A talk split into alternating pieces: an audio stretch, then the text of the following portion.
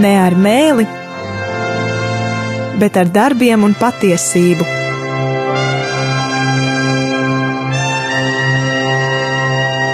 Atvērsim svētos rakstus un studēsim kopā. Māca Jēkabs, Dieva un Kunga Jēzus Kristus kalps.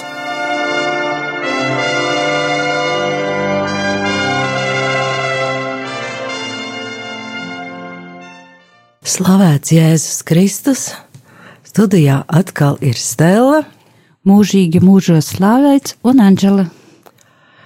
Un kā jau raidījuma pieteikumā dzirdējām, mēs turpinam aplūkot šo tēmu par vārdiem, darbiem un patiesību. Bet, ja pagājušās raidījumu reizes mūs mācīja apustulis Jānis, tad no šīs dienas mēs jau dosimies mācībā pie cita skolotāja, pie svētā Jēkaba.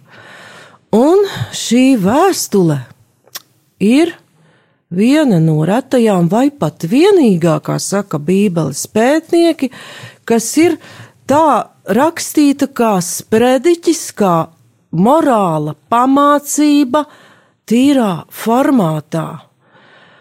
Un šobrīd šī vēstule ir ļoti aktuāla, jo ļoti labi palīdz saprast to, ko māca pāvests Francisks, un likumiskā un morālā uztverē iziet ārpus par tālāk par vienkāršu interesēšanos par otra privātās dzīves pareizību vai nepareizību. Apostuls Jēkabs ir rakstījis tādus vārdus, kas dažkārt var likties ļoti smagi, bet attiecas jau uz mūsu dzīvi, kā savas tautas piederīgo dzīvi, attiecas uz mūsu atbildību par to, kas notiek mums apkārt, kas notiek mūsu valstī, kas mudina mūs būt atbildīgiem par to, ko mēs domājam, runājam, un varbūt ļoti būtiski tieši mūsdienu apstākļos, ko mēs rakstām, jo lielākā daļa no mums vairāk vai mazāk raksta kaut ko interneta portālos, raksta sociālajos tīklos, un to var attiecināt uz mēli. Jo jāpiebilst, ka Jēkaba vēstule ir rakstīta laikā, kad interneta nebija, un arī cilvēki neapmainījās rakstītām ziņām, kā avīzēm vai kādām citām masveidā. Tajā laikā raksturīga bija mutvārdu kultūra, un tāpēc Jēkabs runā tieši par mēli. Bet tas, ko mēs uzrakstām, vispirms jau dzimst kā domas forma. Mēs to domās it kā izrunājam, un tad ar pirkstiņiem un klaviatūras palīdzību uzliekam uz šī datora ekrāna. Mēs runājam valodiski, runājam vārdu formātā. Tātad Aktualitāte šai vēstulē nevis ir samazinājusies, bet drīzāk gan pieaugusi. Tāpat šis apustulis runā par nabadzības un bagātības attiecībām, eh, par to, kā vērtēt cilvēku, un arī par mums jau tik pazīstamo ticības attiecību pret darbiem, kā šobrīd ļoti īss vēsturisks ieskats, un arī uzreiz jau pievērsīsim kādai būtiskai niansei šajā vēstulē. Te ir, var teikt, tāds diezgan klasisks vēstulē raksturīgs iesākums. Nobeigums gan drīzāk ir kā sprediķim, un varētu mierīgi teikt, beigās āmen, bet iesākums ir raksturīgs vēstulē, kā tajā laikā mēdz rakstīt vēstules. Tā tad varbūt, ko tad apustulis Jākabs saka pats par sevi izlasa Lūdzu Anžela. Jēkabs Dieva un Kunga Jēzus Kristus kalps sūta sveicienu 12 ciltīm, kas dzīvo izkaisītas. Paldies! Un kā ir Krievu valodā? Un Krievu valodā Иаков, раб Бога и Господа Иисуса Христа, двенадцати коленам, находящимся в рассеянии, радоваться. Paldies! Un atkal jau redzam tulkojuma problēmu. Mūs ar sevi iepazīstina kāds jēkabs. Šeit pat nav teikts, kas viņš īsti ir. Nu, tādēļ es nedaudz pieskaršos tam. Pēc tradīcijas tas ir kunga brālis, bet ņemot vērā tā laika ģimeniskās tradīcijas un to, kāda bija kunga zemes ģimene, varam saprast, ka tas drīzāk bija brālēns, jo tajā laikā ļoti nešķiroja tur tālāki, tuvāki radi. Tie visi bija arī brālēni, māsītes, kā brāļi un māsas. Viens no tiem 70, kas aicināti, pirmais Jeruzalemes bīskaps saukts taisnīgais. Tātad jau no šī pievārda varam saprast, ka ir ļoti svarīgi atvērt savu sirdi un prātu, savu ausi viņa mācībai.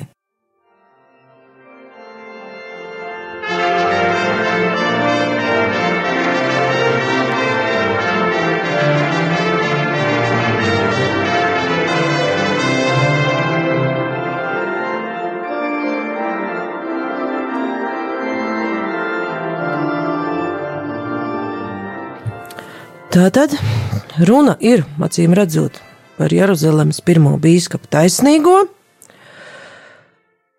Pēc satura var spriest, ka viņu pazīst Romas impērijā izkaisītie diasporas jūdi, ka viņš ir viens no draudzes balstiem, kā teikts vēstulē Galatiešiem 2.9, un kā sacīts ir atklāsmes grāmatā, 3. nodaļā, 12. pantā, tas ir ļoti svarīgs uzdevums un aicinājums būt šim draudzes balstam. Tā tad arī to mēs varam izlasīt, cik svarīgs ir šis draudzes vadītāja uzdevums, lai viņš būtu balsts, nevis vilks āvsādā.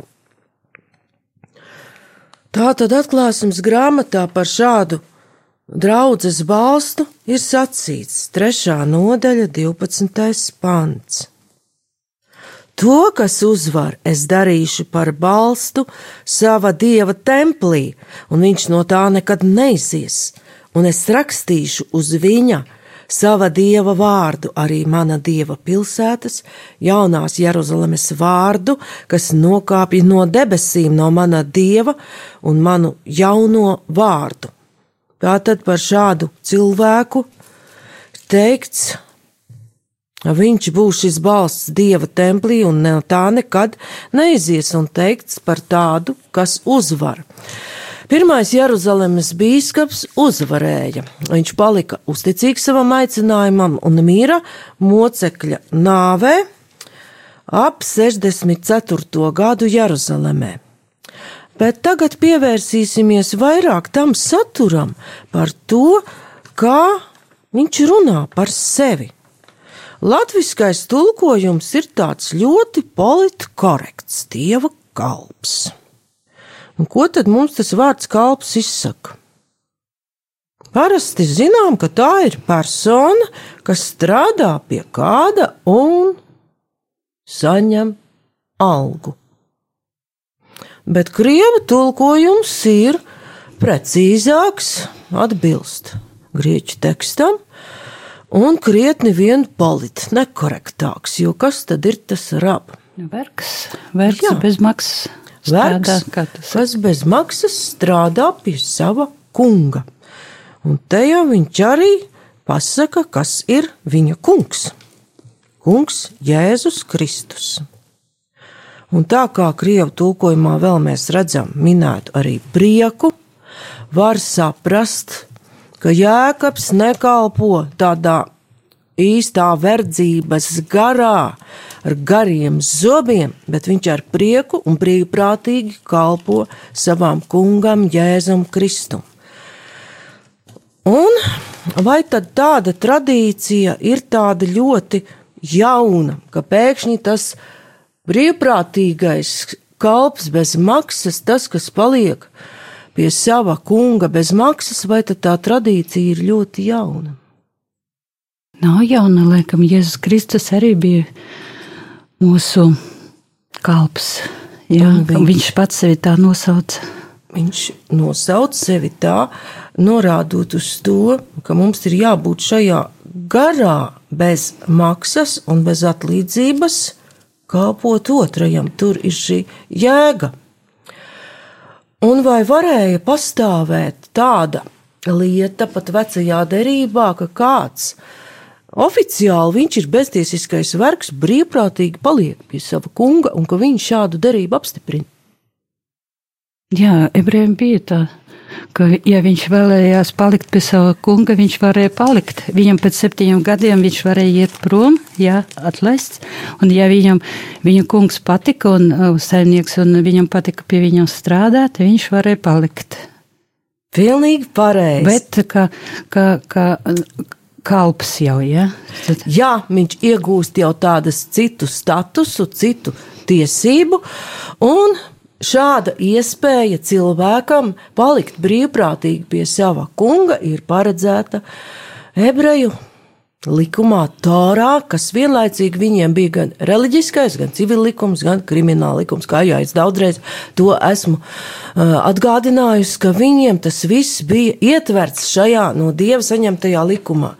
Un tas ir sacīts izceļošanas grāmatā, 21. nodaļā. Un to tiešām izlasīsim, lai mēs labāk varētu saprast un pieņemt šos izteikumus jaunajā derībā, visā viņu dziļumā, būtībā, nebaidos teikt, arī skaistumā. Brīvprātīga kalpošana, brīvprātīgs darbs, darbošanās otra cilvēka labā. 21. nodaļa no 5. panta. Bet, ja vergs teiks, es mīlu savu kungu, savu sievu un savus bērnus, tad lai viņš neaizieta brīvībā.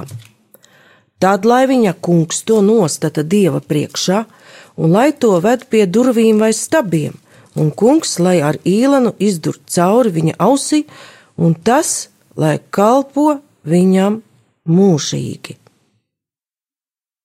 Tad izceļošanas grāmatā pat nav teikts, ka status mainās.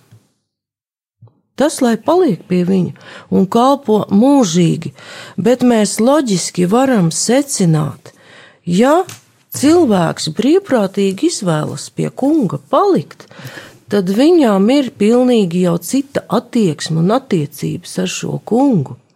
Viņš viņu mīl. Tātad tas nav palikšana tāpēc, ka es esmu kādā parādu verdzībā vai um, nonācis kādās lielās nepatikšanās, un tagad gariem zobiem atkalpoju kaut ko, vai arī es baidos no sava kunga. Nē, izceļošanas grāmata skaidri un gaiši pasaka vienīgo priekšnoteikumu eh, šim tādam līgumam, un tur varētu jau meklēt un noteikti atrast ļoti dziļu un bagātu skaidrojumu šim rituālam, šiem simboliem, ar kādu šis cilvēks paliek pie kunga uz mūžīgiem laikiem. Un izteikums uz mūžīgiem laikiem jau vedina uz ko? uz jauno derību liek. Jā, pilnīgi pareizi uz jauno derību. Tātad šajā vienā īsajā teikumā, kad eh, Jēkabs brīvprātīgi kalpo savam kungam Jēzum Kristum, mēs ieraugam vispār šo tuvāku mīlestības tādu, teikt, koncentrētu izklāstu. Būt kalpam bez atlīdzības, tāpēc, ka tu mīli. Un cilvēki, kas mīl otru, to saprot daudz labāk. Jo pat ja mēs mīlam otru cilvēku, mēs esam spējīgi bez kādas atlīdzības darīt to, kas viņam ir nepieciešams. Un mums tas nesagādā milzīgas grūtības vai problēmas, saprast, ko viņš grib, kas viņam ir vajadzīgs, un to izpildīt. Un, uh, tas, ka mēs nesaņemam par to kādu aplīdzību, mums šķiet pats par sevi saprotams. Tā arī Jēkabam ir pats par sevi saprotams, ka viņš kalpo Jēzum Kristum un caur viņu kalpo šai savai draudzēji. Un dažkārt arī cilvēciskā veidā šī mīlestības kalpība, pat pievēršoties vienam, atver šo ceļu uz kalpošanu daudziem, nedomājot par to, kas mums par to būs. Arī kā Jēzus Kristus atdeva pa mums savu dzīvību, ja, pa draugiem, pa to mīlestību, ar kuru viņš mūs mīl. Ja, tā ir tas viņš par visiem atdot, ja, dzīvību savu. Un viņš ir tas kalps, kurš iemīlēja mūs ar mūžīgo mīlestību. Jā, un kuru mēs esam aicināti atdarināt šajā ziņā, mēģinot pēc ar to, ko viņš pats mums dod, līdzināties viņam. Īsa pauze, lai mēs tālāk pievērstos jau galvenajām tēmām vēstulē.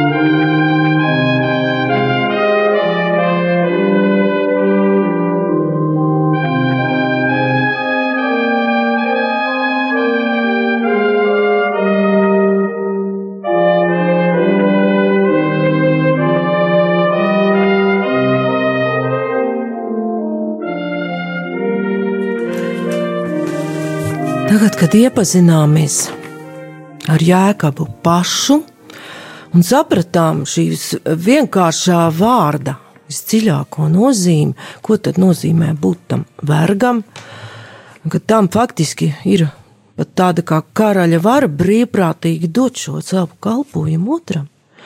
Iepazīsimies nedaudz ar vēstules formu un galvenajām tēmām.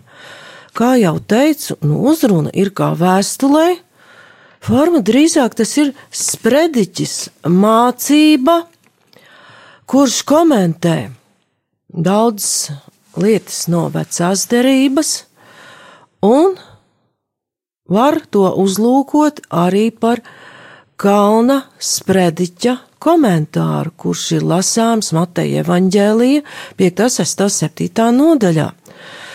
Šī vēstule ir, kā jau minēju, tāda izteikti morāla mācība, bet izved mūs tālu aiz tādām pārprastām šaurām robežām, kas aprobežos tikai ar interesi par otra privāto dzīvi un tās pareizumu. Jēkabs aplūko tādas tēmas, kas mūsdienās ir ļoti būtiskas un kurām īpaši pievēršas pāvests Francisks. Tātad tālāk raidījumu nākamajo, nākamajos raidījumos šajā ciklā varēsim pievērsties arī skaidrojot apstuļu jēkabu teikto pāvesta mācībai, lai to saprastu dziļāk un pamatīgāk un spētu jau to īstenot savā dzīvē. Tad ko tad mēs te redzam? Pievēršas Jēkabs uzreiz jau pārbaudījumiem un kārdinājumiem. Un no tāda diezgan paradoxāla skatu punkta, ko mēs nākamajā raidījumā jau aplūkosim ļoti izvērsti, viņš saka, ka tas ir liels prieks, ka mēs krītam visādās kārdināšanās. Nu tad ir gan prieks. Un tālāk jau lasot, mēs redzam, ka šis kārdinājuma jēdziens atkal tie, kas ir pieraduši pie viena un tā paša, nāksies vilties. Apostuls Jēkabs ļoti pievēršas tieši kārdinājumam ar bagātību, bagātības un nabadzības pretnostatījumam. Tālāk viņš pievēršas jau tām sekām, kas izriet no pievēršanās bagātībai un tās lielas mīlēšanas, ka mēs, tapuši bagāti un ka Dievs jau ir mums kaut ko devis, sākam tiešām lūkoties uz sevi kā spogulīti, ka es esmu skaists un varants, un neredzam vairs otru cilvēku, un sākam jau spriest par šī cilvēka kvalitātēm, par to, kāds viņš ir pēc tā, kā viņš izskatās un kas viņam piedara. Un tur es pat atceros tādu gadījumu no dzīves. Es aizgāju pie kādas savas bērnu dienu paziņas, viesos, viņa dzīvoja ļoti pieticīgos apstākļos, un pajautāju, nu, vai es varu aiziet uz labierīcībām. Viņa tā kā saminstinājās, es teicu, nu, kas nu, es varu tikt uz viņām. Un tad man paziņa teica, bet vai tad tu iesi uz sauso toleti? Es teicu, kāda tur problēma? Un tad šī sieviete pateica, bet ir cilvēki, kas ar mani vairs nesatiekas un pasaka, cik zemu tu esi kritusi, ka tu dzīvo tādos apstākļos. Tad šis gadījums ir ļoti izteiksmīgs piemērs tam, kā mēs spriežam par cilvēku pēc tā, kur un kādos apstākļos viņš dzīvo. Tā tad netiek ņemts vērā, kāds cilvēks viņš ir, bet kur viņš dzīvo, un tāpat tiek vērtēts, kad kā viņš izskatās arī mūsdienās, tas ir ļoti būtiski. Vai viņš ieņemot tādu un tādu amatu, ģērbjas pareiza dzīmola drēbēs, vai lieto pareizā zīmola un pareizās kolekcijas aksesuārus tad mūsdienās šī sērga, pa kuru runā apustulis Jēkabs, nav nebūtu samazinājusies, bet pat pieaugusi, un mēs tai varam pavilkties līdz pat īpaši negribot. Un par to runā arī pāvests Francisks. Atcaucoties uz pirmo vēstuli Timotejam, 6. nodaļu, 10. pantu, ka visa šī ļaunuma sakne ir naudas mīlestība. Tā tad, pētot apstuļu jēkaba vēstuli, mēs ļoti labi varēsim skatīties uz to un izvērst plašumā mūsdienu kontekstā caur pāvesta Franciska mācību. Un redzēsim, kā šī naudas mīlestība noved pie grēka iesakņošanās un pat samaitātības, ka tas, kas tiek darīts slikts, jau liekas labs. Vēl apustulis Jēkabs pievēršas ticībai un darbiem, un tev tur bija kaut kas par to jau sakāms. Nu jā, kas attaisno cilvēku, jā, bija tā, ka ticība attaisno, jā, bet vēstulē Jēkabam arī pa darbiem, kādus darbus cilvēks pilda. Jā, nu un te varēs izlasīt un salīdzināt to. Jā, Pāvila vēstulē un Jēkaba vēstulē. Jo šie rakstu fragmenti viens otru papildina. Jā. Un tagad ekumenisma kontekstā, kad mēs jau meklējam ceļu uh, pie brāļiem Lutāņiem, un šis jautājums bija viens no strīdīgākajiem. Jā. Mēs jau atrodam šo kopsaucēju, ka arī par plikiem darbiem, ja tie uh, nepilnīgo bez ticības, arī neviens mūs neataisno. Jā. Šie darbi parāda mūsu ticību, viņi to dzīvina. Tieši tā. Un vēl mēs redzam, ka šeit diezgan daudz jēkabs ir pievērsies tai mēlis savaldīšanai. Par ko es jau teicu, un šobrīd šī tēma ne tikai pazūd, bet kļūst arvien aktuālāk. Jo, kā jau minēju, patreiz mēs neoperējam tieši ar mēli, bet to, kas jēkaba laikā tiktu izteikts tirgus laukumā ar mēli, lielam ļaužu baram, mēs pārnesam uz pirkstiem un datora ekrāna, un kā redzam, pat labāk tieši ar mēli ir tiek manipulēts ar ļoti lielām cilvēku kopā ar ļoti lielu sabiedrības daļu to sašķeļot un notiek pat caur šiem saziņas veidiem, Un šajā gadījumā jau arī šo interneta saziņu, kas atver ļoti lielu cilvēku skaitu, es jau pieskaitu pie mēles darbiem un domāju, ka apustuls Jēkabs mūsdienās man pilnīgi piekristu.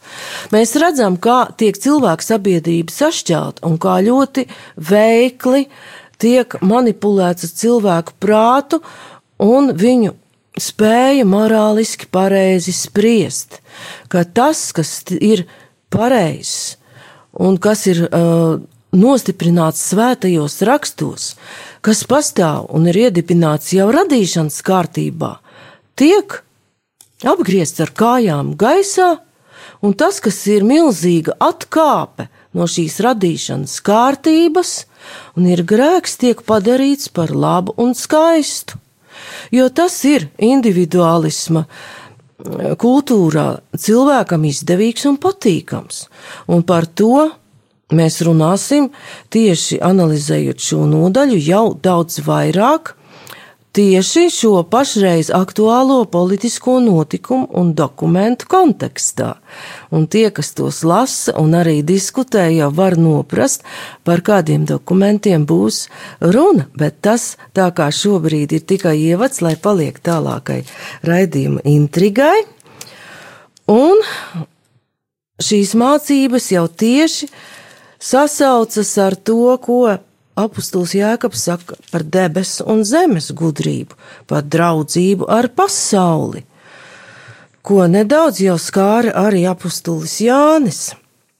Un viņš pievēršas arī tādām tēmām, kas ļauj mums būt draudzība ar Dievu un iemantot šo debesu gudrību, netiesāt citam citu, Lūkšana ticībā un arī paties, pacietība ciešanās, kas mums nevienmēr būs tik ļoti patīkama.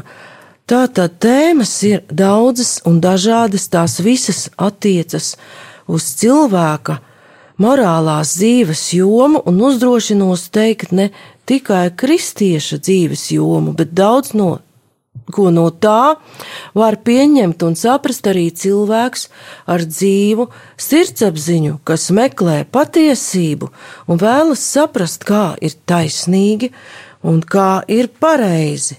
Bet pie katras tēmas jau ciešāk klāt mēs iesim nākamajos raidījumos, un nākamajā reizē mēs runāsim daudz dziļāk un pamatīgāk par pirmo nodaļu, par šiem pārbaudījumiem un kārdinājumiem, kādā veidā tad viņi var izrādīties labi un kāpēc par viņiem būtu jāpriecājas.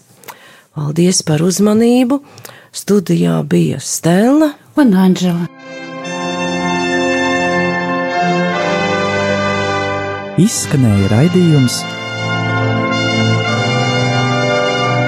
Ne ar mēli, bet ar darbiem un patiesību